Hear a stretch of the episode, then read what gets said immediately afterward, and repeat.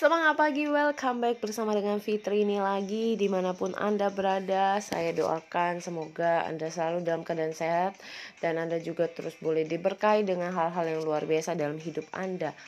Hari ini Fitri mau berbagi adalah bagaimana uh, banyak orang yang selalu bertanya gimana sih biar bisa jago belajar public speaking Gimana biar bisa uh, bisa bicara kayak Coach Fitri gitu loh. Teman-teman sebenarnya semua orang juga bisa bicara. Maksudnya mungkin adalah bagaimana bisa berkomunikasi ya.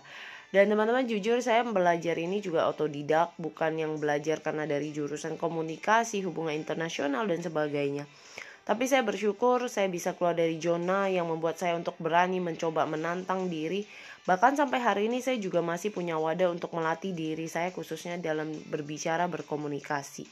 Dan kalau ditanya gimana sih biar jago ya, pastinya adalah saya bilang latihan. Kalau kita hanya sendiri nggak mau latihan ya kita akan susah, nggak bisa untuk bisa melakukan uh, belajar public speaking ini. Kemudian yang kedua adalah kita perlu untuk uh, evaluasi diri kita. Sebaik kita itu punya kemampuan sampai di mana, kita perlu menambah atau meningkatkannya di bagian mana.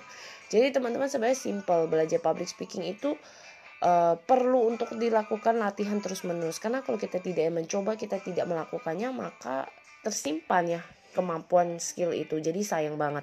Semoga teman-teman ini bermanfaat untuk teman-teman. Silakan anda boleh evaluasi dan lakukan untuk melihat kapasitas kemampuan anda. Lakukan yang terbaik dan teruslah menginspirasi di mana pun kita berada